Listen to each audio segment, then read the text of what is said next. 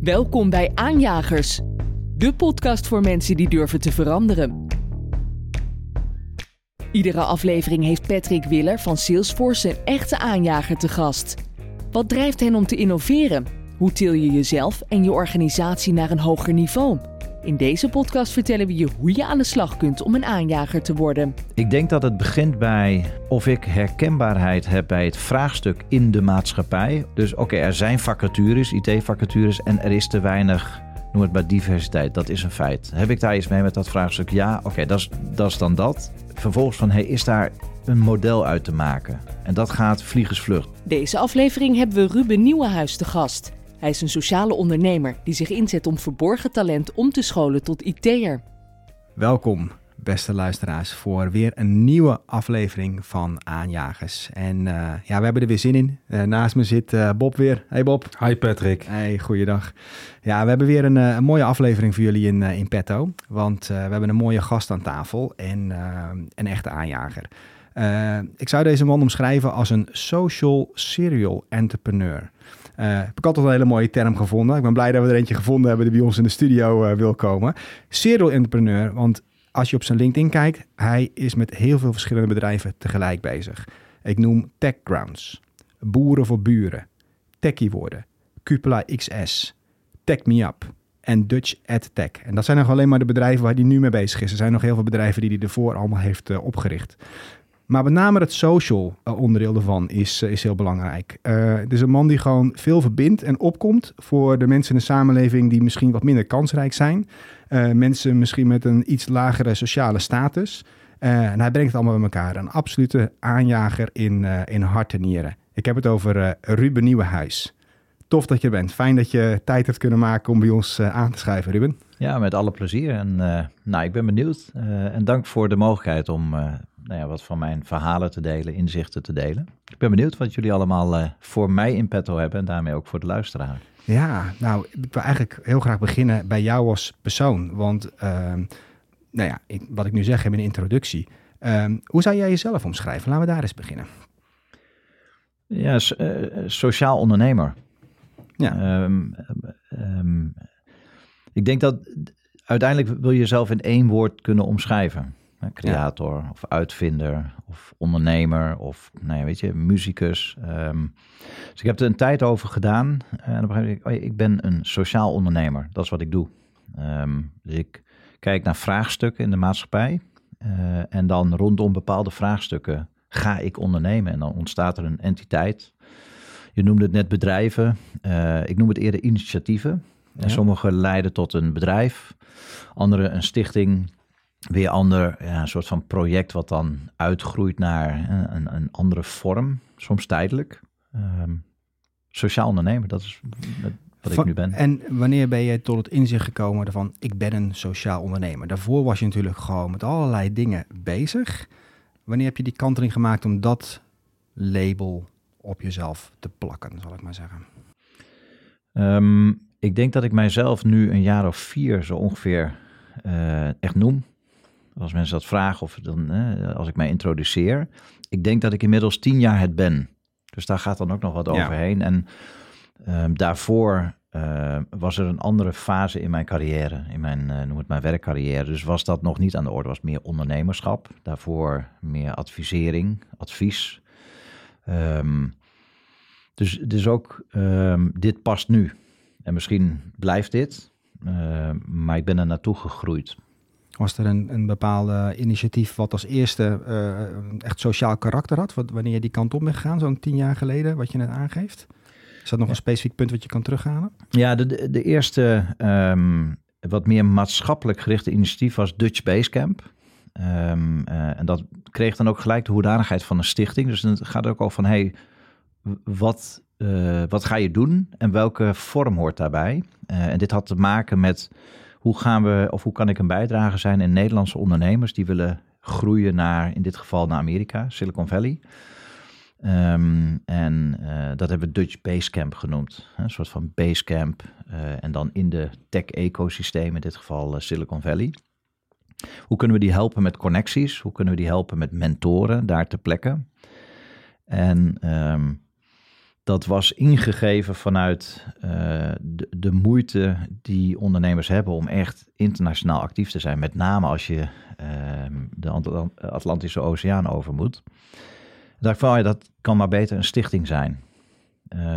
en ehm, dat, dat verdienmodel komt later wel. Ehm, dus dat was de eerste sociale. En op een gegeven moment, uh, ik denk na anderhalf jaar, eh, vloog ik op een gegeven moment terug. En toen was ik uh, tijdens een van de bezoeken in contact gekomen met code, One Hour of Coding. Um, en dacht ik op de terugweg, oh, dat, dat is ook wel wat voor Nederland. Codeuur. Um, jonge mensen, basis, mensen kinderen op een basisschool in contact brengen met coderen. En dat heeft geleid tot Codeuur, dat is nu Future NL. dus dat was eigenlijk de tweede sociale entiteit. Is ook een stichting geworden. Dus op een gegeven moment is dat gefuseerd met een, uh, met een andere stichting. Dat is een beetje een soort van begin geweest van echt het sociaal ondernemen. En uiteindelijk groeit dat dan organisch. Meer mensen uh, die zich erbij aansluiten.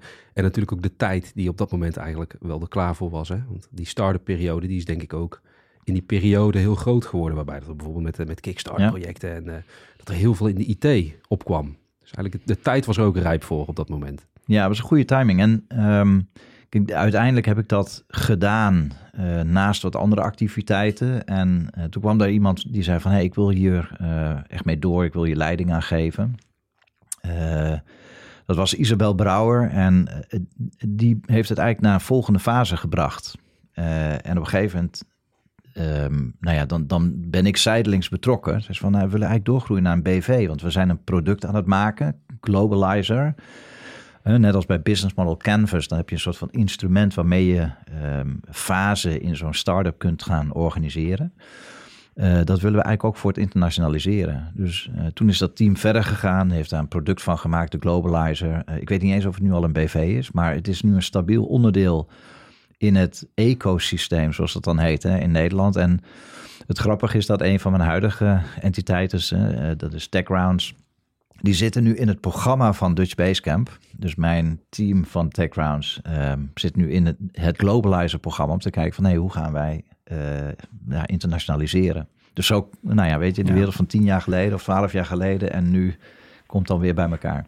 Ja, want het is eigenlijk ook een geheel ecosysteem wat jij aan het bouwen bent. Is dat een fair beschrijving?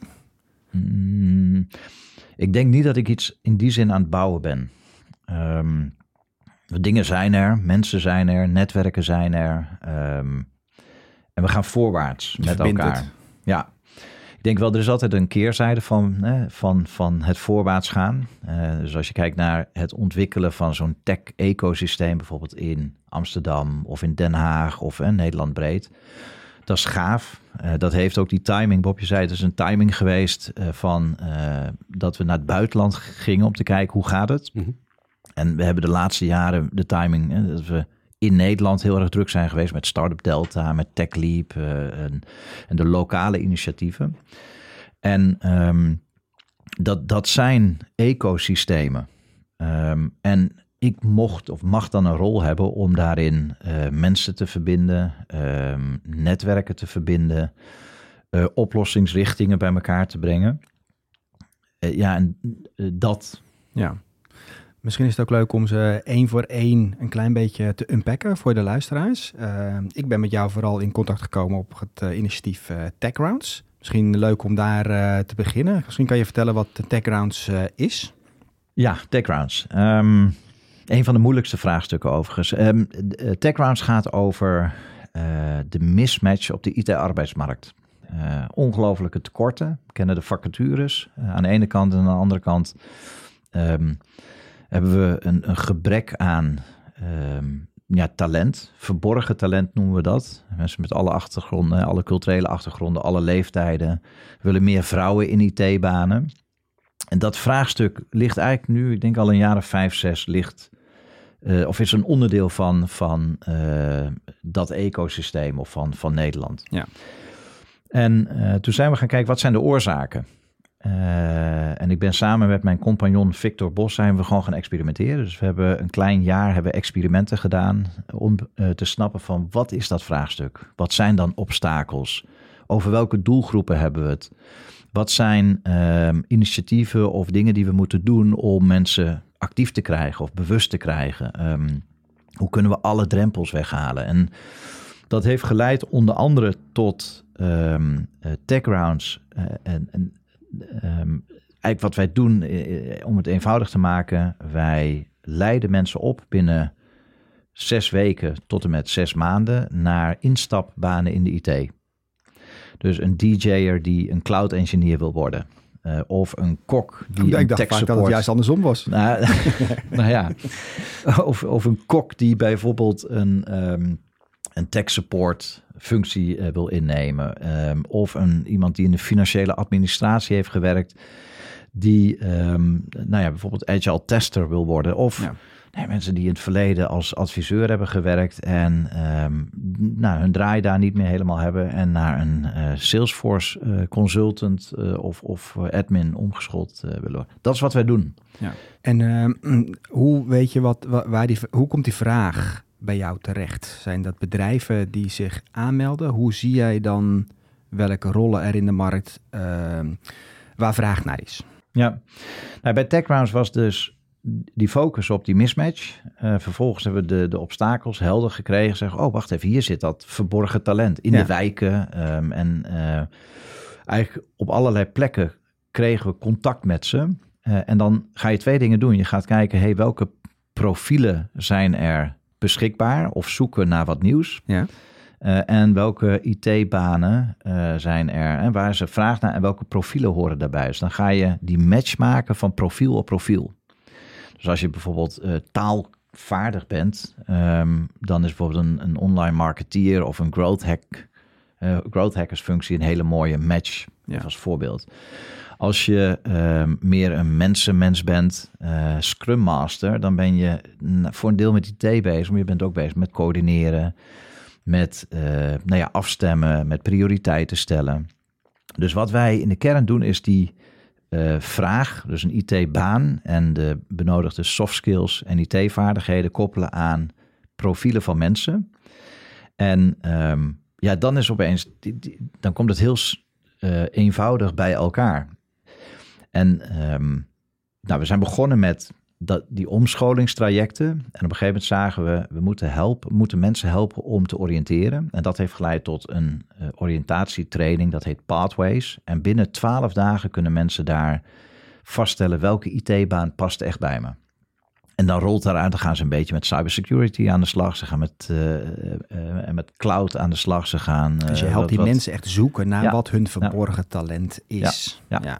En hoe komen die mensen in contact met TechRounds? Hoe weet zo'n kok of DJ in de voorbeeld die je net noemt, ja. jullie dan te vinden? Want zelf weten ze dat misschien ook nog niet als het een verborgen talent is. Ja, wie weet jij dat er misschien iets heel leuks is of dat jij heel veel plezier gaat hebben in een rol in de IT?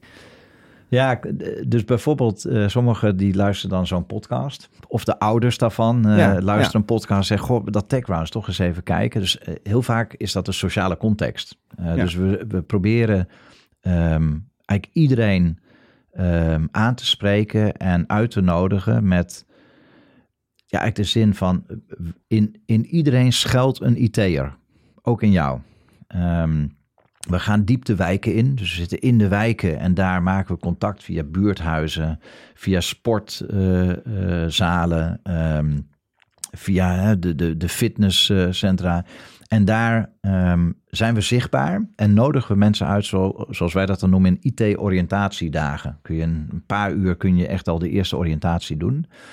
We hebben veel rolmodellen. We hebben inmiddels uh, een, weet je, duizenden mensen hebben al kunnen inspireren. Ja. Uh, we hebben uh, een kleine duizend mensen geholpen in het oriënteren en een paar honderd al echt omgeschoold naar een baan. En dat zijn rolmodellen. Dus het gaat over, en dan krijg je zo'n ja, weet je, dat effect dat dat steeds breder uh, gaat. Ja, dat is heel gaaf. Wij hebben hier, uh, ik weet niet of je die episode ook geluisterd hebt. De eerste aflevering van het tweede seizoen hadden wij uh, Sima Samara hier te gast. de winnares van de Golden Hoodie. ja, dat speelt heel de hele tijd in mijn hoofd als je dit verhaal vertelt. Heb jij ook een paar van dat soort succesverhalen of rolmodellen die er echt uitspringen? Ja, dat, kijk, dat, dat is het mooie van het vak. Ehm, en dat is ook het moeilijke, want er zijn ook verhalen waar het niet lukt. En het, is, het gaat over mensen, dus dan heb je echt pijn in je buik. Ik, een, een, een, een, mooi voorbeeld is um, een deelnemster die um, ground stewardess was bij KLM, raakte haar werk kwijt, haar baan kwijt. En nou ja, zij, zij kwam in contact met TechRounds, heeft de cloud-opleiding gedaan. En uh, zij is toen gaan werken bij Randstad IT. Um, uh, en zij, het eerste project wat ze deed was de cloud cost control. Dus zij moest de kosten naar beneden brengen van de cloud-oplossing. Um, na volgens mij een half jaar is zij doorgegroeid als Scrum Master. En het leuke is, bij, zij was ground stewardess, maar ze had ook een wat, wat leidinggevende uh, taken. En dat zet ze nu gewoon in. Dus dit is een van de voorbeelden. En dan zie je, we hebben, we hebben dat doorgerekend. Gemiddeld uh, verdient uh, iemand 35% meer na het omscholen naar het zijn van IT'er. Uh, dus dit is, dit is een, een voorbeeld. Ehm, maar we hebben bijvoorbeeld een, een, een oud basketballer die op weg was naar het worden van een profbasketballer. Die raakte geblesseerd. gesolliciteerd kwam niet in de gesprekken. Soms is het zelfs zo erg dat je niet in gesprek zelfs komt. En die heeft zich om laten scholen en werkt nu bij PostNL in de uh, robotica-team uh, al drie jaar lang. Uh, en daar kreeg ik dan, dat was een jaar geleden, een appje van: ik heb een huis kunnen kopen. Um, dus het, en, en zo zijn er tientallen verhalen waarbij er elke keer iets anders achter schuil gaat. Ja, gaaf. En mag ik dan ook zo stellen dat uh, de personen die, die participeren in Tech Grounds, dat die met een ander, uh, andere blik eigenlijk uh, op zoek zijn naar een, naar een nieuwe job. Uh, ik kan me voorstellen op het moment dat je een uitzendbureau hebt, dat daar een keer een iemand komt binnenwandelen en waar die persoon belandt, dat weet je niet. Alleen dit zijn mensen die echt gericht zeggen van nou, ik wil hier aan meedoen. En er zit dus, er moet iets van een passie of iets van een connectie mm. zitten waarom dat ze eigenlijk die stap gaan nemen om eigenlijk het oude vaarwel te zeggen en naar het nieuwe toe te gaan. Is dat, is dat een overlap die je, die je ziet qua personen of zijn er nog wel eens andere redenen die daar aan de grondslag liggen? Ja, is een goede. Als ik, um, ik denk dat, um, want we vragen ze terug om hun verhaal te delen met nieuwe omscholers. En ik denk dat een paar patronen uh, terugkomen. Eén daarvan, ik had geen andere optie. Dit was mijn laatste. Um, dus ja, op goed geluk. Dus dat, dat is een van de verhaallijnen. waarbij ze ook vaak zeggen, het was almost too good to be true. Weet je, kosteloos, want de werkgever betaalt de opleiding met baangarantie. Je krijgt een match voordat je start uh, dat in de opleiding en aan nieuwe, in de nieuwe baan heb je al de matching met de werkgever en heb je de intentie dat de werkgever je aanneemt. Met behouduitkering. Je hoeft geen vooropleiding gehad of afgemaakt te hebben. We checken wel of het denk- en werkniveau past bij uh, dat het profiel van de IT-baan. Doe je, dat, doe je dat met een assessment? Of hoe, ja, hoe vindt dat ja het is een assessment. Dus, we hebben, dus je hebt dat oriëntatieprogramma van, van 12 dagen. En dan, maken ze, dan hebben ze na 12 dagen echt hun loopbaanplan. En dan hebben ze ervaring. Het is, ik noem het ook wel een wijnproeverij. Je hebt een soort van IT-proeverij van alles een beetje. En dan op een gegeven moment weet je het. Maar het gaat natuurlijk ook over dat je in een leerritme komt. Peer learning is belangrijk als onderdeel van het, het zijn van een IT'er. Uh, maar ook buddies hebben om je heen om samen die omscholing in te gaan. Want dat lukt echt niet in je eentje. Dus dat is, we creëren zo'n sociale context. Um, dus dat, dat, gaat daar, dat gaat daarvoor. Als ik terugga naar jouw vraag van uh, wat zijn uh, patronen, is dat sommige stappen er heel bewust in. Ik, wil, ik weet dat ik cloud wil worden en dit is mijn pad, want baangarantie of hey, ik heb goede verhalen gehoord over techgrounds. Maar er zijn ook heel veel die um, eigenlijk niet precies weten, uh, ook ingegeven door het verleden, um, wat ze doen en soort van het niet eens echt vertrouwen. Want oké, dan moet ik mijn vertrouwen geven aan. Ik ben in het verleden ben ik veel uh, nou ja, teleurgesteld. Dus um, uh, dat, dat komen we ook tegen. Um, maar we komen ook mensen tegen die zeggen van weet je, ik heb een bore-out gehad of een burn-out gehad en ik moet mijn leven anders gaan organiseren. Uh, en ik ga kijken of dit daarbinnen past. Dus het, is, het zijn elke keer andere triggers. Ik heb mensen die zeggen, ik wil eigenlijk al 15 jaar de IT in. Dit is eigenlijk nooit van gekomen. Nu is het moment. Ik zie deze en ik ga ervoor. En als we kijken vanuit het perspectief van uh, de werkgevers die mensen zoeken, hoe, uh, hoe ziet het traject er voor hun uit? hoe geven zij, geven zij heel gedetailleerd aan wat, waar hun behoefte ligt? Of is dat een wat bredere manier? Hoe kan je daar wat over vertellen? Ja, dus wij, um, dat begint met anders kijken naar talent. Dus wij hebben ehm, een soort van die werkgever die gaat met ons een sociaal contract aan van wij kijken anders naar talent. Precies, ze beginnen dus niet met, ze komen niet met een vacature. exact, precies. Exact. Ja. Wij sturen ook niet een cv. Dus we zeggen van wij selecteren en dan uh, komen ze langs en dan lopen ze een dag mee. En op basis daarvan komt er een, soort van ja, verbinding tot stand. En wij hebben voor die tijd al helder welke uh, profielen, welke vaardigheden zoeken ze, wat is het denk- en werkniveau wat nodig is. En op een gegeven moment bouw je een relatie met die werkgever en weet je hoe, die vraag, hoe dat vraag en aanbod werkt. Je weet wat de cultuurfit is. Is het een organisatie wat meer hè, vanuit start-up dynamiek? Is het een corporate? Um, um, is er veel interactie tussen, noem het maar de collega's? Is het op afstand werken? Enzovoort, enzovoort. Dus wij snappen de profielen die de bedrijven zoeken. Uh, en wij hebben een enorme aanwas van talent, hè, want die weten ons allemaal te vinden. En dan op die manier vindt die matching plaats. En die werkgever betaalt dan de, de opleidingskosten, eigenlijk de scouting en de selectie en de opleiding. En dan tijdens de opleiding heb je een buddy. Dus, uh, dus elke deelnemer heeft een buddy vanuit de werkgever. En dan heb je een onboarding natuurlijk, op een gegeven moment een soft landing. Ja. En op het moment dat ze geland zijn, dan hebben we daar weer, dan leren we van hoe goed gaat dat. En dat kunnen we dan weer verwerken in het curriculum. Zo, uh, zo kunnen we elke keer het curriculum nou ja, verder uh, beter maken of op maat maken voor de verschillende werkgeverspartners, zoals we dat noemen. Dus werkgevers die betalen ook uh, dus de opleidingskosten. En neem ik aan ook nog een stukje voor jullie, want wat voor verdienmodel zit erachter? Ja, het verdienmodel is in die zin eenvoudig dat uh, binnen de Academy bijvoorbeeld de, de Salesforce-programma, daar betaalt de werkgever 6.500 euro voor de deelnemer. Dat is inclusief scouting, selectie, um, de, uh, hoe dat, het opleiden zelf en de onboarding. Nou, we hebben 15 mensen in een cohort gemiddeld. Uh, en dan kun je het doorrekenen, dus daar zit uh, een, een verdienmodel op. En we zijn nu aan het kijken hoe we dat kunnen schalen. want op een gegeven moment kun je naar misschien wel 20 of 25 per cohort. En bij een cohort hebben we een learning coach. Die begeleidt het leren, maar het gaat wel over peer learning. Ja. En uh, we hebben een talentmanager. En die talentmanager is elke keer die match aan het doen van talent met wat de werkgever uh, wil. Dus dat is het verdienmodel van TechRounds in de Academy. Dan hebben we daarvoor dat, dat oriëntatieprogramma. Uh, en dat kost 1000 euro nu, dus 1200 wordt dat per deelnemer. Um, en daar hebben we soms 50 in een cohort, soms hebben we 20 in een cohort. dat is zowel zelfstudie en ook begeleide groepen. Um, en daar zit een oriëntatiecoach zit daar, uh, in. Dus dat is, het is een, eh, een verdienmodel. Het is een social enterprise. En um, ja, wij zijn eigenlijk vanaf dit jaar, is nu jaar vier dat we, waar we in zitten, zijn we echt op eigen benen. Ja. Uh, en is het verder groeien. En je doet het voor heel veel bedrijven en niet alleen voor Salesforce. Nee, we, nee, is, ja. groeien. Nee, we hebben 80 werkgeverspartners nu. Ja. Dus we hebben een Deloitte en een Capgemini en een PostNL en een Media Monks en Weet je, onze, werkwerk, onze deelnemers werken bij ongelooflijk veel uh, werkgevers al. En dan hebben we eh, technologiepartners zoals bijvoorbeeld AWS voor cloud. Uh, we hebben LinkedIn, we hebben Zoom uh, als, als partner. Nou ja, Salesforce is een belangrijke partner. Maar inmiddels sluiten ook Microsoft en Google aan. Dus er zijn steeds meer technologiepartners die ja, meedoen. En dan gaat het weer over, iedereen wil op die nieuwe manier naar talent kijken. Omdat en dat zit dan een beetje in de visie. Als je anders kijkt naar talent, dan is die tekort, uh, zijn die tekorten op die IT-arbeidsmarkt eigenlijk helemaal niet nodig. Dus die visie ligt daarachter. Ja. En ik denk ook de, de mix van verschillende uh, types.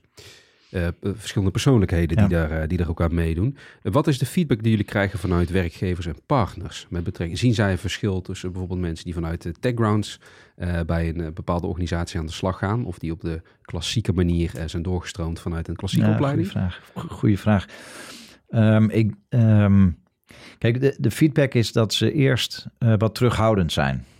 Uh, want het is niet gelijk van, oh ja, doe maar. Uh, ik had, het is wel mooi als je het hebt over, de, de titel gaat ook over aanjagers. Ik sprak, dus alweer twee jaar geleden, um, Victor Knaap van, van Media Monks, hè, de, de, CEO Media Monks. En dat was tijdens een diner. En hij zei, Ruben, wat doe je nu? Ik zei, nou dit, dit. Oh, wij doen mee. En een dag later was ik geconnect met de COO. En volgens mij twee weken later hadden we al, ja. noem het maar, de eerste verbinding van onze deelnemers. En, uh, en daar hebben ze gezegd, hey, het moet een onderdeel zijn van onze uh, eigenlijk hiring uh, strategie. Ehm, dus dat is die ene energie. En dan, weet je, als het één keer lukt, dan zeg je van ik wil nog een Rowenda, of ik wil nog een Nes, of ik wil nog een Giordano, of ik wil nog vier, nou ja, weet je, op die manier. Ehm, maar soms gaat het ook fout. Dus dan is het van, hey, hoe gaan we het alsnog laten werken? Uh, ik had, uh, ik zal het nooit vergeten, de, we hadden de allereerste cohort, de eerste cloud cohort. En wij hadden, je hebt altijd in een groep 25% top performers. Dan heb je een soort van middenmoot en dan heb je de mensen die het wat moeilijk hebben.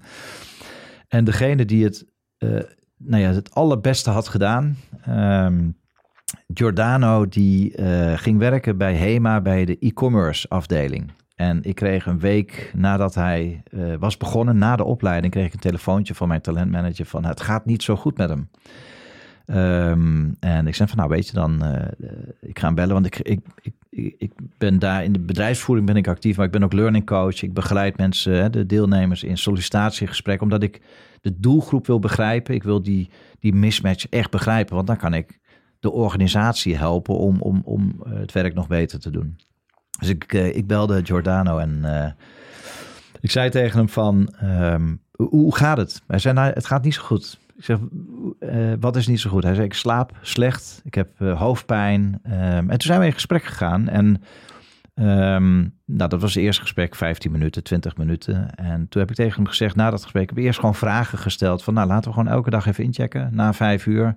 Even een gevoel krijgen bij hoe het gaat. En ik had eigenlijk na dag twee door voor een deel waar het aan kon liggen. Namelijk dat hij eigenlijk alles direct goed wilde doen. Dus hij zat al in die meetings, werd direct serieus genomen. En vond dat hij goede vragen moest stellen. Dat hij antwoord moest geven op. Ja. Um, maar hij wist, hij had nog niet de, eh, de, eh, eh, de, toegang tot systemen. Hij wist eigenlijk niet eens welke kleding. Dus het was voor hem een soort van nou ja, heftigheid.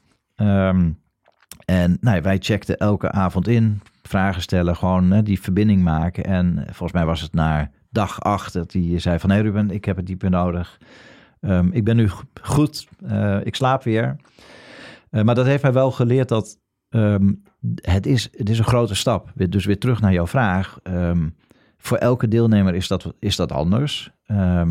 maar dit is natuurlijk voor werkgevers ook het geval. Van, hey, krijg ik iemand die de hele dag door vragen aan het stellen is. Hoe ga ik me daartoe verhouden?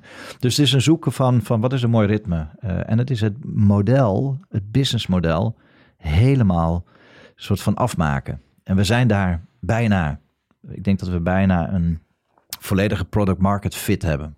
Maar dan zul je ook uh, de connectie moeten blijven vinden, bijvoorbeeld met een onboardingsproces van verschillende werkgevers. Hè? Want, hè, want het, het, offboarden vanuit TechGrounds, het onboarden bij de nieuwe werkgever, dat, ik kan, me, ik kan me voorstellen dat daar ook wel eens een mismatch op plaatsvindt. Dat het voor personen ook weer als een soort sprong in het diepe gaat, uh, gaat voelen. Ja. Um, dus dat betekent ook dat je in gesprek moet blijven met de werkgevers op die manier. Om te kijken van hoe kunnen we dat het best op elkaar laten aansluiten. Maar je zegt daar ben je dus bijna.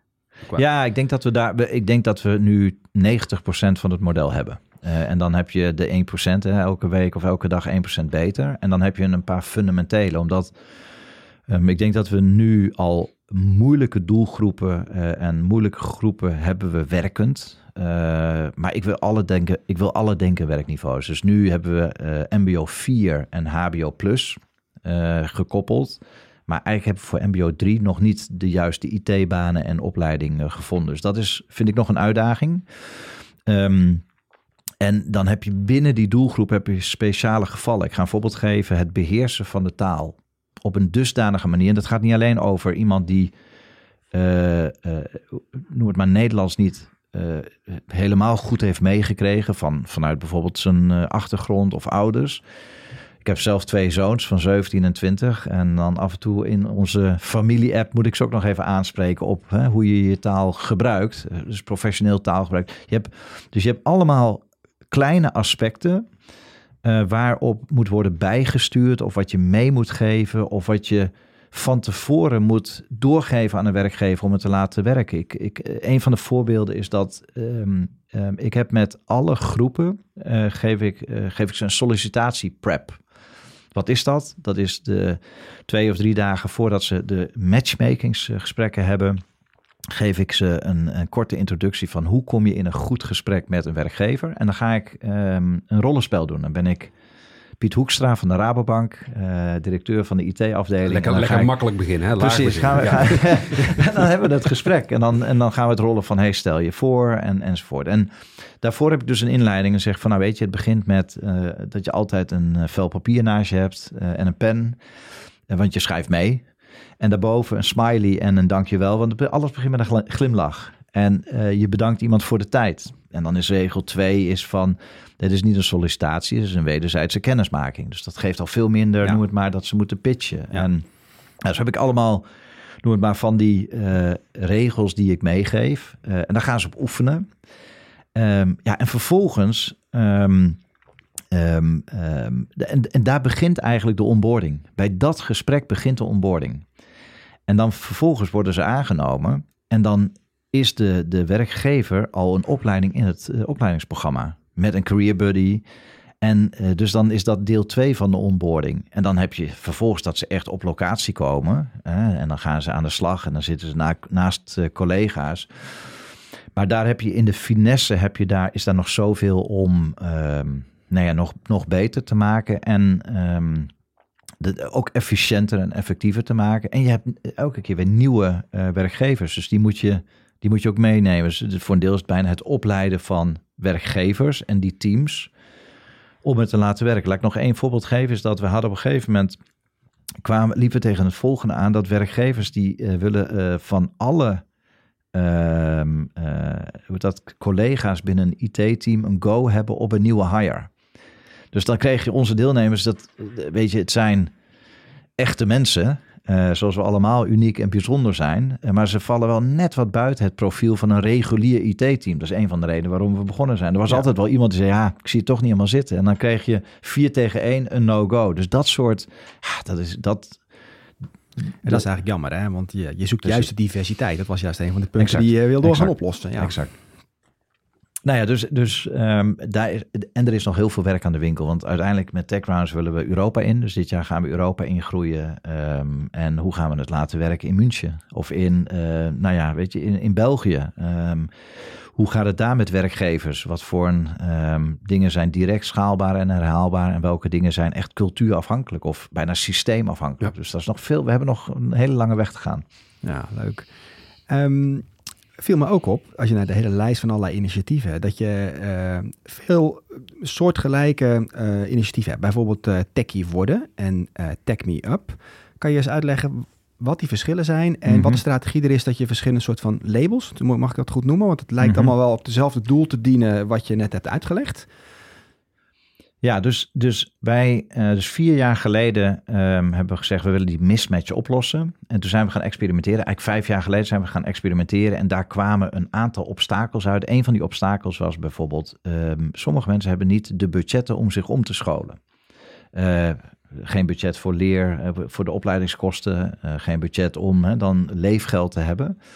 Dus we zeiden van er moet een educatiefonds komen, komen een tech-educatiefonds. En dat is Tech Me Up geworden. Uh, maar goed, dan kom je erachter, zijn, uh, je hebt allerlei mensen met allerlei achtergronden en geloofsovertuigingen. En bij sommigen is een lening niet oké als daar rente aan gekoppeld is. Nee. Dus toen zijn we gaan zoeken en toen hebben we uh, nou ja, de vorm gevonden, Tech Me Up. en dat is nu, ja, dat zijn rentevrije leningen voor mensen die zich omscholen. Er zijn een aantal uh, opleiders zijn daaraan uh, verbonden. Dus als je je wil omscholen via die opleiders, um, dan krijg je een lening en dat betaal je terug op het moment dat je aan de slag gaat. Dus dat, dat is ontstaan uit dat programma Tech Connect uh, en heeft dus een hele specifieke functie en is een stichting onder leiding van Nicky, een waanzinnige ja, sociaal onderneemster. Een belangrijke bijdrage van ook vanuit de private opleiders daar. Dus, uh, Peter van Sabbe van Growth Stripe, die echt dit ook um, wilde realiseren. Dus daar hebben we samen met een aantal mensen uit het veld gekeken van hoe kunnen we dat een vorm geven. En dat, ja, dat is er nu. Dus een stichting echt zonder winstoogmerk. En uh, waar we in, dit jaar hebben een miljoen binnengehaald. Uh, waarin we, nou ja, ongelooflijk veel mensen een hoe is dat, helpen, techie worden. En uh, dat zat er meer aan, de, aan het vraagstuk, ja, maar welke IT-opleider past bij mij? We hebben in Nederland hebben we honderden IT-opleiders met allemaal nou ja, uh, verschillende opleidingsvormen en, en thema's. Je hebt publieke opleiders, private opleiders. Ja, welke moet je kiezen? Ja. En toen zeiden we, hey, laten wij een gids maken, een IT-opleidersgids, techie worden. Um, en ja, dat, dat is daaruit ontstaan. Uh, en ja, TechRounds is, is uh, we zagen dat in, in, in België, in Molengeek. En toen dachten we, hey, we gaan dat naar Nederland halen. Dus dat is meer de Academy uh, is dat geworden. Duidelijk. En uh, TechConnect is een beetje het overkoepelende initiatief hè, waar het onder valt. Uh... Ja, en dat is inmiddels afgelopen. Dus dat was die incubator. Ja. Um, dus dat zijn we gestart om te analyseren wat is het vraagstuk en hoe kunnen we initiatieven opstarten wat impact gaat maken. en daar hebben Booking, Rabo en TomTom Tom, we gezegd, hey, we gaan dat supporten. En als incubator heeft dat geleid tot al die initiatieven.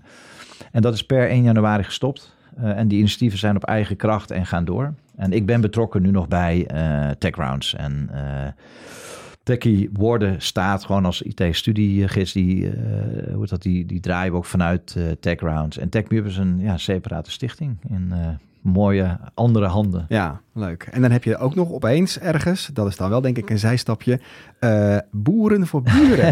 ik vind dat echt een topnaam. Uh, het, uh, ja, dat, is, dat, dat, resoneert, dat resoneert meteen. Heerlijk. Ja, maar ik ga dan toch vragen, ja, just for the record, wat het is. Ja, ja de, even de topnaam die kwam via de echtgenoot van een van de initiatiefnemers. Um, de, de, hoe dat gaat... Um, Boeren voor Buren is ja, een, prachtig initiatief in die zin. Um, uh, bij het begin van COVID um, zag je twee dingen gebeuren. Eén, uh, boeren hadden overschot omdat ze uh, niet konden exporteren. En die moesten letterlijk hun voedsel, nou ja, verbranden. ik ben onder andere zit ik in de ledenraad van de Rabobank, dus dat verhaal kwam naar voren. Erik Tra, community bankier bij de Rabobank, die kreeg die verhalen te horen. Aan de andere kant zaten wij met um, TechRounds in de wijken. En Abdelhamid Idrissi is een van de partners in TechRounds samen met uh, Victor Bos, de initiatiefnemers van TechRounds. En hij hoorde de verhalen van gezinnen en de armoede die daar speelde. En dat was nog meer vanwege COVID. En toen hebben we gezegd van hoe kunnen we dat nou bij elkaar brengen? Uh, de overschotten van boeren met uh, nou ja, mensen die het moeilijk hebben. Dat heeft geleid tot boeren voor buren. Dat had toen nog niet die naam. Um, en uh, eigenlijk hebben we toen binnen drie dagen een korte voedselketen gemaakt. De Rabo heeft gezegd, we gaan 250 gezinnen gaan we adopteren. Dus dan gaan we dat voedsel wat over is, gaan we inkopen bij de boeren. Zodat ze wel een redelijk hoe dat bedrag krijgen. En uh, dat hebben we twee keer gedaan, twee leveringen. Uh, het was de vraag, hoe gaan we dit blijven doen? Ze zeiden van nee, er zijn voedselbanken, dus dat, dat is niet wat we moeten doen. En hebben we gekeken van, hey, is er hier een businessmodel te maken? Uh, stichting zonder winstoogmerk. En toen zijn we gaan experimenteren. En toen hebben uh, we uh, middelen gekregen van bijvoorbeeld Amsterdam, uh, Amsterdam Armoede, Loket, Stadspas Amsterdam zijn mee gaan doen. In Almere zijn ze mee gaan doen. De Rabobank was al een blijvende supporter. En wat bleek, wij konden een keten maken waarbij we voor 30, 40 procent goedkoper lokaal en vers voedsel konden aanbieden aan mensen met een kleine portemonnee, aan een stadspas. Dus we hadden uitgiftepunten door de hele stad. Uh, waardoor mensen voor ja, 10 euro, 15 euro konden ze de groente en fruit voor die week inkopen. Dus dat is boeren voor buren. En um, uh, dan, dan spreek je dus met, uh, met de gemeente Amsterdam ja. bijvoorbeeld. Ehm, vindt daar bijvoorbeeld een voedselbank nog iets van? Ik kan me voorstellen dat de voedselbank zegt, nou wij vullen inderdaad een bepaalde functie al in. Ja. Um, hoe, hoe gaat die samenwerking of hoe gaan die gesprekken dan? Ja, dus dat is een goede. Dus ik ga dan bellen, want dan is het: hey, wat zijn de stakeholders? Uh, hey, voedselbank is een stakeholder. Je wil niet hetzelfde doen. Je wil ze ook niet in de voeten lopen. Misschien kun je samenwerken. Dus dan, dan, dan, dan ga je bellen. Dus ik heb gebeld met, uh, dat was een bestuursvoorzitter van de Voedselbank in Amsterdam. En ik kende die wereld niet. Hè. Ik kende de wereld niet van groente en fruit, van voedselbanken enzovoort. Dus voor mij een hele nieuwe wereld. Freek heette die. Ik zei, ja Freek, ik ben Ruben van Boeren voor Buren. En dit en dit zijn we aan het doen. Um, maar goed, uh, wat is precies een voedselbank en hoe vind je dat dit zich verhoudt tot een voedselbank? Wat vind je dat we vooral niet moeten doen, wat wel? En dan kom je in gesprek. En hetzelfde met uh, de, het loket armoedes. Dan ga je dus in de gemeente natuurlijk allemaal mensen die ook een verantwoordelijkheid hebben. Dus dan kom je met een afdelingsmanager van, van armoede in gesprek. Zo van, hé, hey, wat zijn doelgroepen? Hoe groot zijn die groepen? Hoe bereik je die? Dus je gaat je opeens verdiepen in al dit soort aspecten van, ehm, nou ja, deze, deze onderneming. Weet je, groente en fruit, als het koud is, dan is dat heel anders als je sla hebt in een, in een, in een vrachtwagen op het moment dat het 32 graden is. En hoe ga je het dan distribueren naar welke plekken enzovoort enzovoort. Dus ik heb, in dit geval ben ik gewoon in contact gegaan met ze. En hey, oké, we gaan het betaal, een betaalde aanbieding maken. Dus voor 5 euro of 10 euro kunnen mensen het kopen. Het kan alleen met een stadspas. En dat is dus een andere doelgroep. Dus niet mensen met een lege portemonnee, maar mensen met een kleine portemonnee. Ah, oké, dan is dit even de propositie. En ik kan me voorstellen dat de, boeren waren, waren, zaten lokaal natuurlijk uh, uh, rondom Amsterdam of Noord-Holland. Flevoland, ja. Klopt. Flevoland. maar dat, die, dat groente, die, die moet natuurlijk wel bij de mensen komen. hoe, hoe is dat transport geregeld? ik kan me voorstellen dat op het moment dat je zoiets opstart, dat het niet direct vlekkeloos verloopt. Het zijn geen producten die een jaar lang op een, uh, op een plank kunnen blijven liggen. Nee, dat, dat, uh, ook dat is weer experimenteren. Hè. Het is gewoon continu experimenteren. Dus we hadden in het begin een paar uh, lokale nou, distributeurs die heel dicht in die wijken zaten. Zeiden van, hey, we hebben niks te doen, want COVID is er. Dus wij hebben ook geen werk, dus we willen dit wel om niet doen. Op een gegeven moment kom je in een, in een volgende fase en dan moet dat wat professioneler. We eh, hadden die pakketten moesten ingepakt worden. Dus de RAI die bood aan, want die hadden geen events van hey, jullie kunnen onze hallen gebruiken. Uh, daar hadden we van die, ja, van die uh, nou ja, systeem georganiseerd dat allemaal vrijwilligers elke vrijdag gingen inpakken. Um, op een gegeven moment hadden we transport inderdaad geregeld. Een transportpartij die elke vrijdagochtend uh, dat bij die boeren ophaalde in Flevo, Flevoland. En dan reden ze dat naar uh, de Raai. En daar waren 20 tot 25 vrijwilligers die dat in pakketten deden. En dan werd dat smiddags of einde van de middag werd dat, uh, werd dat in een vrachtwagen gedaan. En dan ging dat naar de uitgiftelocaties. En dan, weet je, even uh, hoe, dat, hoe die praktijk er dan uitziet, dat, dan werd ik wel eens gebeld om acht uur uh, of om half negen s'avonds. Van uh, ja, u bent een groot probleem, want de rolcontainers zijn niet goed vastgemaakt in, de, in die vrachtwagen. Die zijn nou ja, door de vrachtwagen gevallen. Dus de groente en fruit is allemaal. Dus morgen vroeg moeten we opnieuw gaan inpakken. Mm. En dan sta je om half zes of vijf uur sta je, nou ja op die locatie alsnog weer die pakketten in te, in te pakken met, met groente en fruit wat gevallen is. En te kijken van, hey, kan dit nog? En om negen uur ging de winkel open. En dus we hebben ongelooflijk... Eh, en dan achteraf is dat heel hard lachen, maar dan ben je echt met zweet en dan ben je aan het werk. Um, en je bent aan het leren hoe dat werkt. Die korte voedselketen, want het klinkt heel makkelijk, weet je, van Flevoland naar Amsterdam. Maar het is best, uh, best een uitdaging. Ja, maar jij bent super hands-on. Zeker. En dat, dat doet me, ja, ik ben heel erg nieuwsgierig hoe je je selecties maakt. Want je hebt duidelijk een, eh, een, een hele goede eh, sensor voor wat de maatschappij nodig heeft. Maar je bent ook een persoon die heel veel dingen, heel veel hooi op zijn vork neemt. Dat zien we nu al. Je zag dan uh, boer of buren, je ziet een kans. Je denkt van, nou, dit is heeft toegevoegde waarde.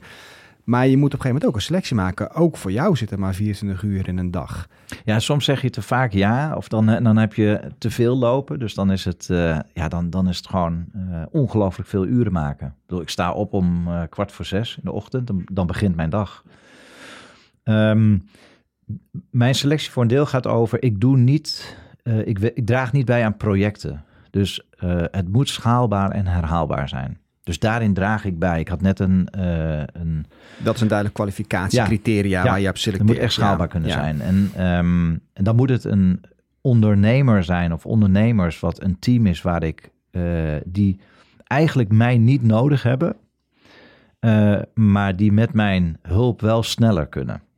Uh, want ik wil niet de consultant zijn. Weet je, uh, vanuit mijn consultancypraktijk, uh, heel lang geleden, had je vaak te maken met klanten die het niet kunnen. En die ga je dan helpen. Maar je hebt mensen nodig die het kunnen. Ja, die eigenlijk je niet nodig heb je nodig, denk nou ik. Nou ja, voor een deel. voor een deel. Of het helpen van die aanjagers. Ja, dus um, ik had net een gesprek met twee dames. Die hebben een, een fantastisch initiatief waarbij ze 50-plussers helpen om hun nieuwe baan te vinden. Uh, dat gaat niet over IT, maar nou, er zijn steeds meer 50-plussers die op een of andere manier toch buiten uh, hoe het, het werkproces komen. En ze hebben een waanzinnige aanpak. En, maar ze hebben nog niet gedacht in een businessmodel. En in een verdienmodel. En in persona's. En in hoe je experimenteert. En nou ja, enzovoort. Dus dan help ik hun met een eigenlijk gewoon reflectie van een half uur tot drie kwartier. Omdat ik daarvan leer ook. Want ik leer van, ze hebben een model wat werkt. Uh, maar ik leer van die doelgroep. En het leren van die doelgroep kan ik weer toepassen bij tech rounds. En um, dan, zij zitten in de koepel in Haarlem. is een van de uh, initiatieven wat, we, wat, we, wat ik ben gestart. Of in ieder geval waar, waar ik voor ben gevraagd. Dus dat is een van mijn community members. Dus die help ik dan. Alleen daar zal dat nou ja, op een gepaste afstand zijn. Weer terug naar jouw vraag. Dus ik kijk waar, um, waar een businessmodel van te maken is. Ik kijk of er enthousiaste mensen zijn die het voortouw willen nemen. Codeuur is groot geworden door Ronilla Snelle. Zij heeft het echt die volgende, noem het maar, fase uh, ingebracht. Um, uh, zonder haar zou dat een eenmalig iets zijn geweest. Uh, ik had het al over Dutch Basecamp. Dat is Isabelle Brouwer. Zij heeft het, en op een gegeven moment heeft Emily dat weer nog weer verder gebracht. En bij Boeren voor Buren hebben we uh, nu Laura die leiding daaraan geeft. Dus wat, wat je zoekt en waar ik op selecteer is... Één, ik moet zien dat het een potentieel businessmodel he, heeft. Nogmaals, de vorm, het kan een stichting enzovoort. Maar het moet wel echt een, een businessmodel hebben. En het moet... Um, uh, iemand, het, het, moet opgepakt worden door iemand die het echt die fase door kan, nou ja, laten, laten ontwikkelen. Ja. Iemand begint met, begint met jou te praten en die heeft een goed idee. Of die belt jou en die zegt, Ruben, ik heb een goed idee, maar ik weet niet hoe dat ik, het, hoe dat ik verder moet nu. Um, hoe raak je eigen enthousiasmeerd? Is basis op het model, op basis van de, van de aanjager waar we het net over hadden? Of kan het ook een bepaalde vorm van enthousiasme zijn of een soort spark waar, waarin je denkt van nou, ik voel hier wel iets in? Um, ik denk dat het begint bij um, of ik herkenbaarheid heb bij het vraagstuk in de maatschappij of uh, in, in de publieke omgeving. Dus oké, er zijn vacatures, IT-vacatures en er is te weinig, noem het maar diversiteit. Dat is een feit. Heb ik daar iets mee met dat vraagstuk? Ja, oké, dat, is dan dat. Uh, en dan vervolgens van, hey, is daar een model uit te maken? En dat gaat vliegensvlug. Dus ik heb ooit, uh, je hebt de, de Charles uh, Munger heet hij. Hij is de tweede man van Berkshire Hathaway. En die is wel eens gevraagd van hoe, uh, waarop baseren jullie je investeringskeuzes? En dan zegt hij, ik heb 90 modellen en die laat ik los op of ik wel of niet moet investeren. En voor mij is dat hetzelfde. Want ik heb een, in mijn leven doe je ervaring op. Dan komen er modellen tot je. Uh, en dat kan een business model canvas zijn, maar dat kan ook zijn een distinctie zoals de uh, onderscheid timing versus speed. Um, dat kan gaan over uh, de diepte ingaan op um, verdienmodel. Wat voor type verdienmodellen is het? bijvoorbeeld is het een two-sided business model of een three-sided business model? Al dat soort. Dus dat gaat door mijn hoofd. Dus als ik in gesprek ga over dat vraagstuk, dan gaat dan een soort van onbewust al die modellen die ik mee heb genomen, die, die, die gaan door mijn hoofd heen. Um, design is functie.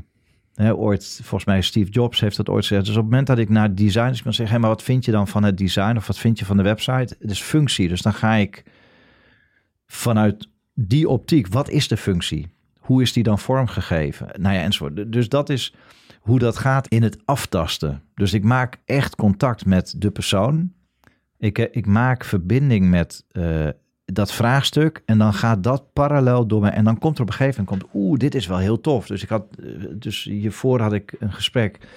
En ik zei tegen deze twee dames, die inmiddels een succesvolle aanpak hebben. Dus een aanpak waarin je in zeven weken in een groep van twintig komen deze 50-plussers weer aan het werk. Uh, succesrate is 73% binnen zes maanden vindt een nieuwe baan. En, uh, maar ze hebben eigenlijk. Uh, en, en ik vroeg aan hen van hoeveel uh, vraag je voor het programma? 100 euro. Ik zei: Oké, okay, hoeveel vind je het waard? Dat was een hele moeilijke vraag. Eigenlijk omdat ze alleen maar goed willen doen. Ja. Dus bij hun, en dat zie je vaak bij start-ups die um, nou ja, impact willen maken, die goed willen doen, zijn hele vriendelijke mensen. Die hebben het beste voor. Um, en willen eigenlijk niet eens geld vragen of zijn veel te vriendelijk voor hun personeel. Of, en, dus, maar bij een start-up is het ook, weet je, uh, uh, het is rocky. Je moet hard zijn, je moet hiring en firing enzovoort. Dus dan ga ik met hun aan de slag. Van ja, maar ik, voor mij is dit minimaal 2000 euro waard, deze propositie. Maar laten we er even duizend van maken. Dan, dan vervolgens stel ik aan hun de vraag, wie, wie geeft dit, wie verzorgt dit programma? Wij, zijn jullie met z'n tweeën, oké. Ehm, en dan hoeveel weken heeft een, een, jaar? Nou, een aantal weken. Zo'n programma is zeven weken. Oh, dan kun je uh, minimaal zes programma's doen. hey, kun je een programma ook parallel doen? Want het is niet een fulltime. Oké, dus dan heb je zes keer twintig keer duizend. Dus een, opeens heb je een omzetpotentie van 120.000 euro. Dan zie je ze echt, kijk, dit was dan in de Skype, of in de, in de, uh, hoe dat, in de Zoom.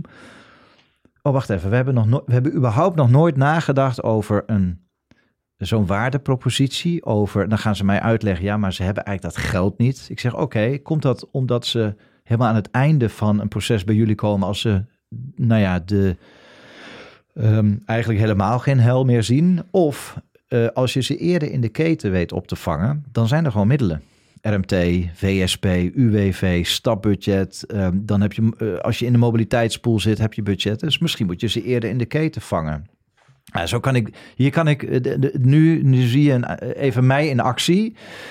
En dan probeer ik met hun te connecten, want zij zijn de ondernemers. Dus ze moeten niet mijn, en dan moeten ze gaan experimenteren. Want dat is in letterlijk van, oké, ga maar experimenten doen. Ga maar bellen met een RMT. Ga maar dit is aanbieden voor 950 euro. En kijken of mensen ja zeggen. Nou ja, enzovoort.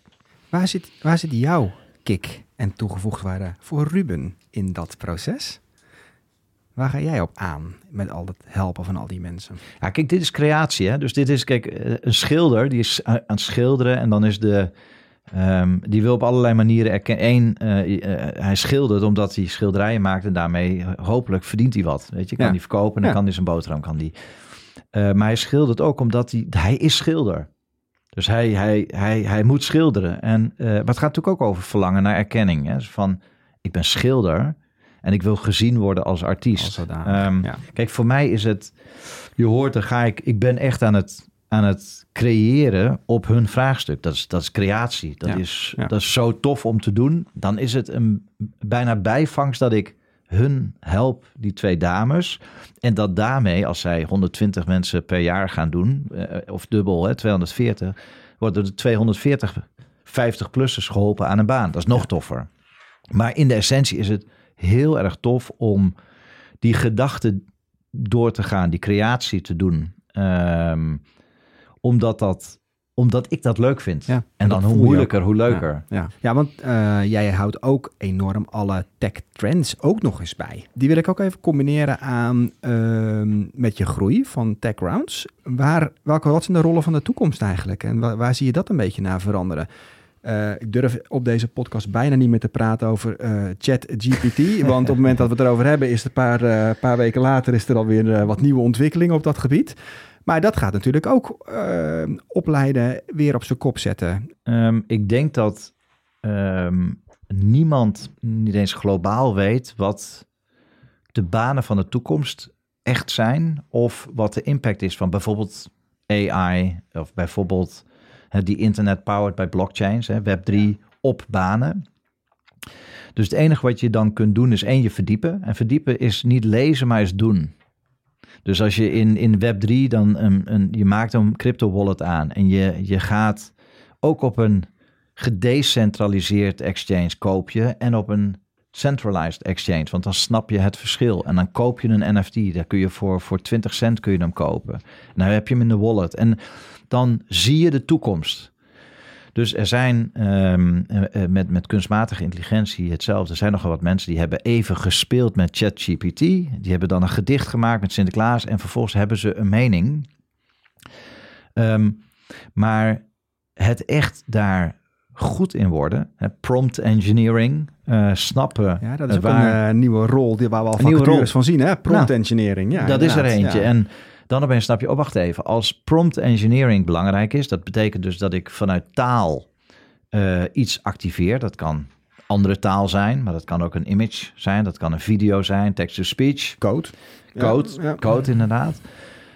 Oh, dan is taalvaardigheid is nog belangrijker dan dat het al was. Dan ga ik weer terug naar een basisschool. Van, ook wacht even, hoe, hoe kun je dan uh, je daarop voorbereiden? Als leren te leren steeds belangrijk. Hoe moet dat dan een onderdeel worden? Dus je gaat, je gaat op die manier associëren. Dan nog weer terug naar, dus dit is, dan ga je, je gaat alle kanten op en je moet die kanten op, want je hebt allerlei mensen die hebben kritiek of die hebben vragen. Je wil ze ook als aanjager wil je ze stimuleren. Dus je wil niet zozeer een in het defensief antwoord geven op een vraag. Ja, maar is het wel goed voor het milieu?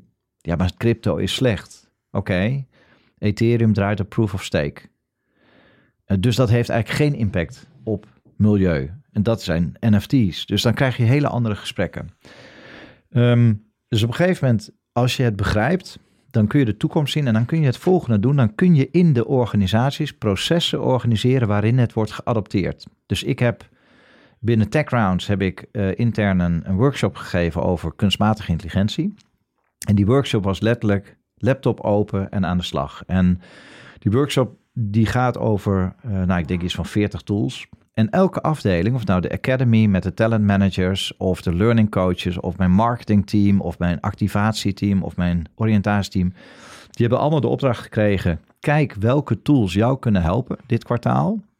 Um, uh, en zorg ervoor dat je 50% productiviteitsgroei gaat realiseren binnen je afdeling. Dus sommigen gebruiken het. Hè? Dat is even de, de no-brainer voor marketingcampagnes. Maar je kunt ook vragen van, hey, met welk curriculum kun je um, iemand binnen zes weken omscholen naar een tech support? Of, nou ja, enzovoort. Dus nu is binnen TechRounds hebben we uh, ingebed een proces van adoptie van AI. Nou, dan komt de volgende, als ze dat één keer hebben, helemaal hebben ervaren in Q1 en Q2, dan komt natuurlijk de vraag, hoe gaan we nu uh, onderzoeken uh, of vaststellen wat de nieuwe banen gaan zijn en hoe banen gaan veranderen door bijvoorbeeld AI. Dus nu is het een onderdeel, het is een proces in, de, in, in, in onze organisatie. Ja, ik vind het ook heel mooi dat dat, dat doen een rode draad is. En dat je daarmee ja. de hele organisatie eigenlijk meeneemt. Uh, ja, het is echt gewoon leiding geven vanuit een bepaalde visie van ja. wat, er, uh, wat er aankomt. En het mensen uh, empirisch laten, laten meemaken van wat de impact is. Dan kunnen ze veel beter er ook over nadenken. Ja, dat vind ik heel sterk. Een mening laten uitstellen daar. Dus, dus mijn vader die dan... Ja, wat vind je eigenlijk van Elon Musk en Twitter? Hè? Dus die heeft dan... En bij het, dat was bij kerst kwam die. Ja. En, en, en, en, dus je, je komt... Overal kom je mensen tegen met een mening. Over alles. En het grappige is, ze hebben het direct. Ze hebben een dag later een mening. Want er is iets op nieuws. En van hoe kun je geen mening hebben, maar al die perspectieven, al die, um, uh, noem het maar, instappen. Om te gaan begrijpen. En dan is het inderdaad uh, door te doen. Ja, en dan, dan uh, spreek je echt, je learning mindset is volledig open. En dan, ja, weet je, dan, um, dan kom je bij allerlei oplossingen. Is dat ook hoe jij leert? Hoe, hoe, waar haal jij jouw bronnen vandaan om uh, on top of je game te blijven? Um, ja, dus um, kijk, wat, wat ik vroeger deed is was uh, uh, deep dives in topics en dan voor, voor de periode van een jaar. Dus dan uh, oké, ik ga me nu verdiepen echt in klassieke muziek. Nu, nu heb ik iets hoe dat, in de opvoeding meegekregen. Maar ik woon in Amsterdam en ik denk, wil, ik wil klassieke muziek helemaal begrijpen. En toen ben ik elke week twee cd's, dat was bij de, je bij de PC Hoofd had je zo'n cd-zaakje. En dan kocht ik elke week twee of drie cd's. En dan literatuur erbij. En na een jaar heb je echt alle goede stukken. Dan snap je het verschil in de verschillende fases. Je, je, je begrijpt hoe de ene de ander beïnvloedt. Dus dat was dat thema. Op een gegeven moment de natuurwetenschappen. Van hé, hey, ik heb eigenlijk heb The Origin of Species nog niet gelezen. En op een gegeven moment heb je op een gegeven moment zelfs. Dat was bij de, uh, de boekhandel de slechte, de grenswetenschappen. Dus op een gegeven moment haalde je boeken van, hè, dan, dan, dan ging het over onderwereld, onder, onder water had je hele werelden, uh, Atlanta en, of Atlantis enzovoort. Dus ik heb, of het nou um, de psychologie of de meer de esoterische kant, of de, ik ben dat gewoon vanuit die um, uh, ja, van die deep dives, die soms wel een jaar konden duren, ben ik daar ingegaan. En uh, dan is het leren, studeren, toepassen, kijken wat je mooi vindt, wat je niet mooi vindt. Inmiddels is die leercyclus wat korter, omdat uh, dingen gaan überhaupt sneller. En op een gegeven moment, ja, weet je, kun je dingen makkelijker combineren. Een soort van tipping point. Maar, maar die, die interesse, die drang, die drive van jou om te blijven leren, kunnen andere mensen dat ook leren? Dit is zo'n vraag um, waarbij je een, uh, je hebt een mooi boek dat gaat over de slow mind en de fast mind. Ja. de auteur schiet mij nu niet te binnen, maar Um, en de, de slow mind die heeft hier over vier weken een mooi antwoord. Dus dan ben je aan het wandelen en denk je, ah ja, dat is eigenlijk het antwoord. Ja. Uh, en bij de fast mind komen er gelijk dingen naar boven. Ik denk dat je hebt karakter voor een deel. Uh, dus gewoon een nieuwsgierige karakter. Ik denk dat ook heel veel is ingeven de opvoeding. Maar daar zeg je inderdaad heel veel. Hè? Want we zijn met het gesprek begonnen met mensen mhm. met verborgen talent ja. in een bepaalde context. Ze überhaupt al in een andere context kunnen plaatsen ja. waar, het, waar nieuwsgierigheid meer gestimuleerd wordt, is al een hele grote stap. En de manier hoe jij erop praat is hopelijk voor de luisteraars ook al stimulerend om ja, die dieper dive te gaan maken in welk topic dan ook. ja. ja. Ja, dus ik, ik ben nog aan het van, van kun je, kijk, leren te leren is de eerste module van Pathways programma. Dus even, dat, en dat gaat in drie modules. Uh, computational thinking, dat is module 1.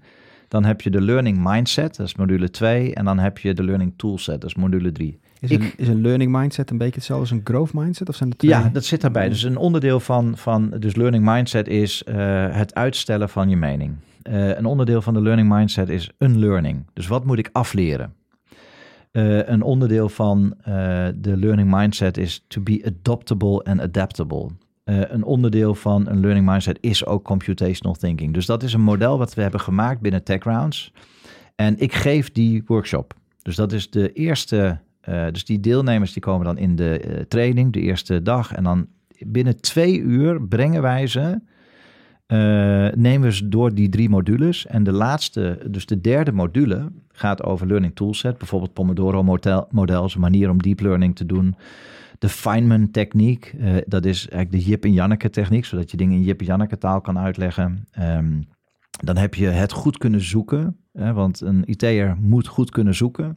Nou, zo heb je een aantal. En wat we eigenlijk doen is, we zeggen tegen mensen, oké, je gaat je OKR's maken, dus je hè, Objective Key Results. Dus je gaat voor jezelf ga je vaststellen, wat zijn mijn persoonlijk, wat is een persoonlijk doel en wat is een professioneel doel voor het komend kwartaal. En, um, um, en dan zeg je van, van, je gaat eerst zoeken, wat is eigenlijk een OKR? En je gaat zoeken op basis van de zoektips die we hebben gegeven. Dus dan leer je zoeken en je leert OKR. Dan vervolgens zeg je, oké, nu pas je de Pomodoro-techniek toe op wat zijn OKR's, want mensen weten. Dus dan moeten ze deep learning op OKR. Dan moeten ze dat in de, met de Feynman techniek gaan omschrijven. Op een Jeppe Janneke manier, zodat ze s'avonds uitleggen wat ze eigenlijk aan het doen zijn. En dan moeten ze ook nog eens een keer de OKR's opstellen. Ehm, en dat in twee uur. En dan ben je eigenlijk in de praktijk ben je, ja, je bent begonnen leren te leren. En dat is heel grappig, want dan heb je sommige mensen die vinden het heerlijk. Ze van die gaan gewoon. En anderen zeggen, ja, wat, ik, wat moet ik nou precies doen? Omdat ze nog niet dat eindplaatje vast kunnen stellen. En dan is het, oké, dan wij creëren die context. Um, wat je moet doen is stap 1 zetten. En als je daar vastloopt, dan ga je dat in de groep bespreken en dan gaan ze je helpen. En dan gaat iemand anders niet het antwoord geven, maar je gaat als peer learner ga je vragen, maar hey, wat heb je niet begrepen? Wat heb je al wel gedaan? Uh, hoe zou je die stap, zodat... Dus, dus op die manier zijn we eigenlijk al begonnen. Hey, ik heb uh, nog één laatste vraag. Dat zal ook geen korte vraag zijn, denk ik. Maar ik ben met al jouw kennis heel erg benieuwd naar jouw visie op het, uh, uh, de huidige staat van het Nederlandse onderwijs. En heb ik echt over uh, lagere school, middelbare school. Ehm, wat zijn nou dingen die daar goed gaan en voor verbetering vatbaar? Nou, ik ga me in de breedte te associëren op, op hoe ik daarnaar kijk. Eén, ik denk dat wij in de basis gaat heel veel dingen, gaan heel veel dingen echt heel goed. Um, mijn vrouw geeft leiding aan uh, een uh, basisschool in Noord. En uh, als ik dat zie, hoe dat, hoe dat wordt georganiseerd, hoe ze omgaan met leeropbrengsten, hoe ze structuur geven aan um, nou ja, lessen, hoe ze ehm, de interne begeleiders hun rol hebben om de docenten beter te maken dat, dat, dat is ongelooflijk wat, wat een vak mensen daar werken. Uh, en de ene school gaat, doet dat beter dan de andere school. En ze hebben natuurlijk allemaal hun eigen uitdaging met leraren tekorten enzovoort. Maar ik denk over het algemeen dat zowel op het lager onderwijs als middelbare onderwijs dat de basis is goed of staat. Dan heb je per school of, of uh, combinatie scholen heb je uitdagingen. Ik, laat ik um, dus ik had met mijn vrouw het gesprek over, ehm, dat heet dan koersplan. Dus elke school heeft een koersplan Mhm. voor de komende vier jaar. En toen zei ze van, hey, hoe kijk je daarnaar? Ik zei, nou, hè, wat moet daarin staan? En toen zei ik van, nou, je hebt geografische ontwikkeling in Amsterdam-Noord.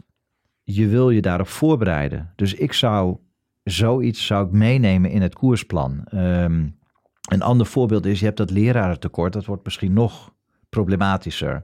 Dus hoe ga je je daar ook weer op voorbereiden? Of ga je daar al nou ja, verantwoordelijkheid in nemen? Ehm, je hebt nieuwe technologieën. We hadden het net even over AI. Ehm, hoe, hoe verhoud je je daartoe? Dus ik denk dat voor een groot deel dat eh, in die, ehm, dat gaat over visie en strategie, dat de juiste dingen worden eh, meegenomen, zodat dat naar beneden kan, maar een soort van trickle down. Ehm, en, want dan ga je mee met de tijd, dat, dat een Ja, beetje. En dat, ja. dat, is no- dat kan nooit snel genoeg, maar dan ga je, dan ga je mee met eh, de tijd. Ik denk het derde is, er is heel veel in de praktijk wat men vanuit het beleid niet ziet of niet in overweging neemt. Dus ik denk dat er heel veel beleid is veranderd of gevoerd de laatste jaren. Ehm, waarbij ehm, eigenlijk het beleid het onderwijs slechter heeft gemaakt. Ehm, en ik even naar codeuur. Toen ik terugkwam uit San Francisco met dat idee voor codeuur. Toen zei ik tegen mijn vrouw, oh, ik ga codeuren organiseren Nederland breed. Eh, want programmeren in het basisonderwijs is belangrijk, want dat is digitale vaardigheden. En toen Ja. zei ze tegen mij, oké, ehm, ten koste van welke andere uren wil je dat dan laten plaatsvinden? En toen zei ik van, oké, dat moet je me uitleggen hoe je dat bedoelt. Nou, zegt ze, kijk, ik heb in mijn school ehm, eh, bijvoorbeeld kinderen met een taalachterstand en re- rekenachterstand. Ehm, en als je overigens een taalachterstand hebt, dan kun je ook minder goed rekenen. Want die sommen zijn allemaal uitlegsommen. Ja. Dus daar gaan we niet eens over rekenen. Dus als we codeuur, dat klinkt heel goed. Maar, ehm, oh, en by the way, eh, ze hebben ook eh, meer beweging nodig. Want het gaat over, nou ja, dat, dat daar eh, te weinig ruimte... En ze was even aan het opzommen wat die scholen allemaal moeten absorberen. En dan moet ik, dan kom ik met codeuur. Wat trouwens uit een goed, dat is een goed idee, Ja. enzovoort, enzovoort.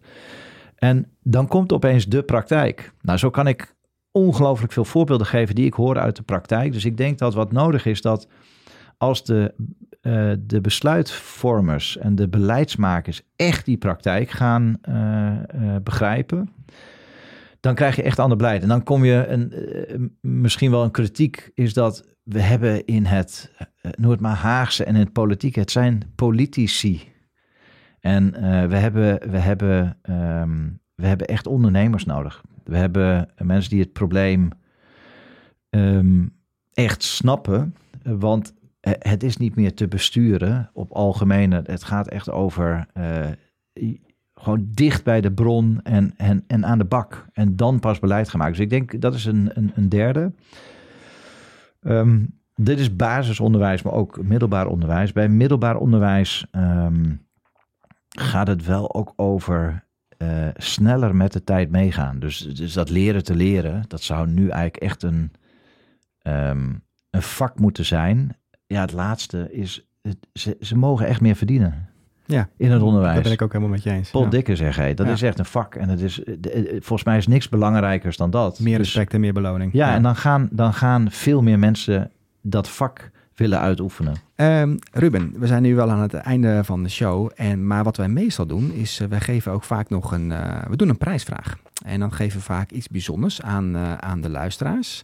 Heb jij misschien een leuk idee wat we zouden kunnen geven als prijs aan de luisteraars? Nou, wat ik, wat ik leuk zou vinden is om uh, mee te denken. Um, dus ik zou mijn denkkracht willen nou ja, Oei. weggeven of willen delen. Dus um, een uur zitten. Dat kan overigens bij TechRounds op locatie. Dat kan ook via Zoom. En dan denk ik heel graag mee met uh, een vraagstuk of met iets waar dan die persoon... Uh, wat die persoon wil voorleggen. Nou, dat lijkt me een hele mooie prijs. Geweldig. Uh, Bob, wat moeten de mensen daarvoor doen? Ja, het, uh, wat de mensen daarvoor moeten doen is... Ze moeten ten eerste natuurlijk de podcast luisteren. Dat is het allerbelangrijkste.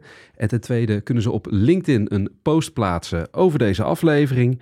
En daarin uh, moeten ze Patrick Willer taggen, zodat we kunnen zien wie er mee wil doen aan die prijsvraag. Dus ja, ik zou zeggen, wacht niet langer. Maak een mooie post op LinkedIn en doe mee. Ja, perfect. En dan uh, kiezen we daar een, een, winnaar uit. En die krijgt dan een uh, uur uh, consultancyadvies van Ruben. Fantastisch. Mooi, dankjewel. In de volgende aflevering is Remco Klaassen onze gast. Hij is een expert op het gebied van leiderschap en communicatie en is al jarenlang een van de meest gevraagde sprekers van Nederland. Ga voor meer verhalen over echte aanjagers naar salesforce.com/aanjagers.